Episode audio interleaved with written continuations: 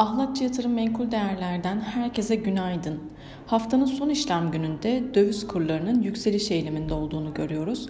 Dolar TL 13.85 seviyesi olarak önemsediğimiz bir seviyenin üzerinde 13.87 TL'den, Euro TL ise 15.67 seviyelerinden fiyatlanıyor. Bugün içinde işsizlik verisini takip edeceğiz.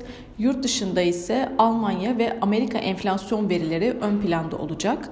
Buna bağlı olarak kur tarafında bugün bir miktar hareketlilik beklenebilir. Euro dolar paritesine baktığımızda dün Almanya dış ticaret dengesinde sınırlı gerileme yaşandığını gördük. Bugün yine parite tarafında Almanya enflasyon ve ABD enflasyon verileri takip edilecek. Bugün içerisinde yatay hareketlenmelerin devamı beklenebilir.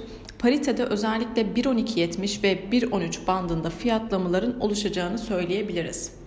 Küresel piyasalara baktığımız zaman Asya borsaları Fed'in faiz politikasına yön verecek olan enflasyon verisi öncesinde koronavirüse dair endişelerin yeniden gündeme gelmesiyle birlikte yatırımcıların riskli varlıklardan kaçınmasıyla gerilemiş durumda.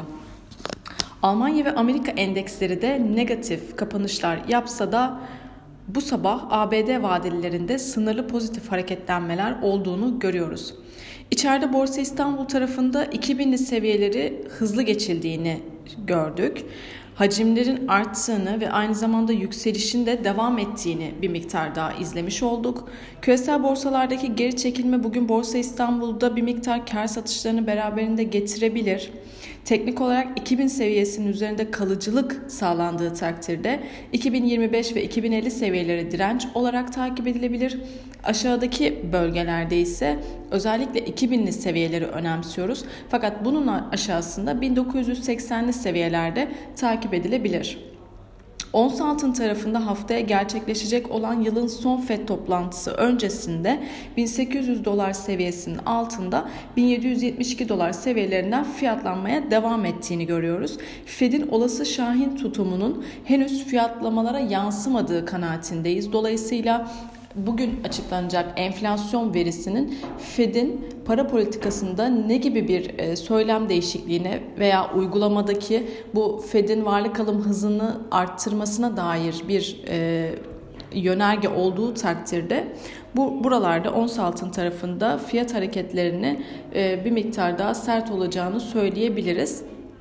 Brent petrol tarafında ise tekrardan Evergrande'nin e, temeride düştüğü haberlerinin gelmesinin ardından en büyük petrol ithalatçısı ülke olan Çin'den dolayı Brent petrol fiyatlarında bir miktar geri çekilme yaşadık.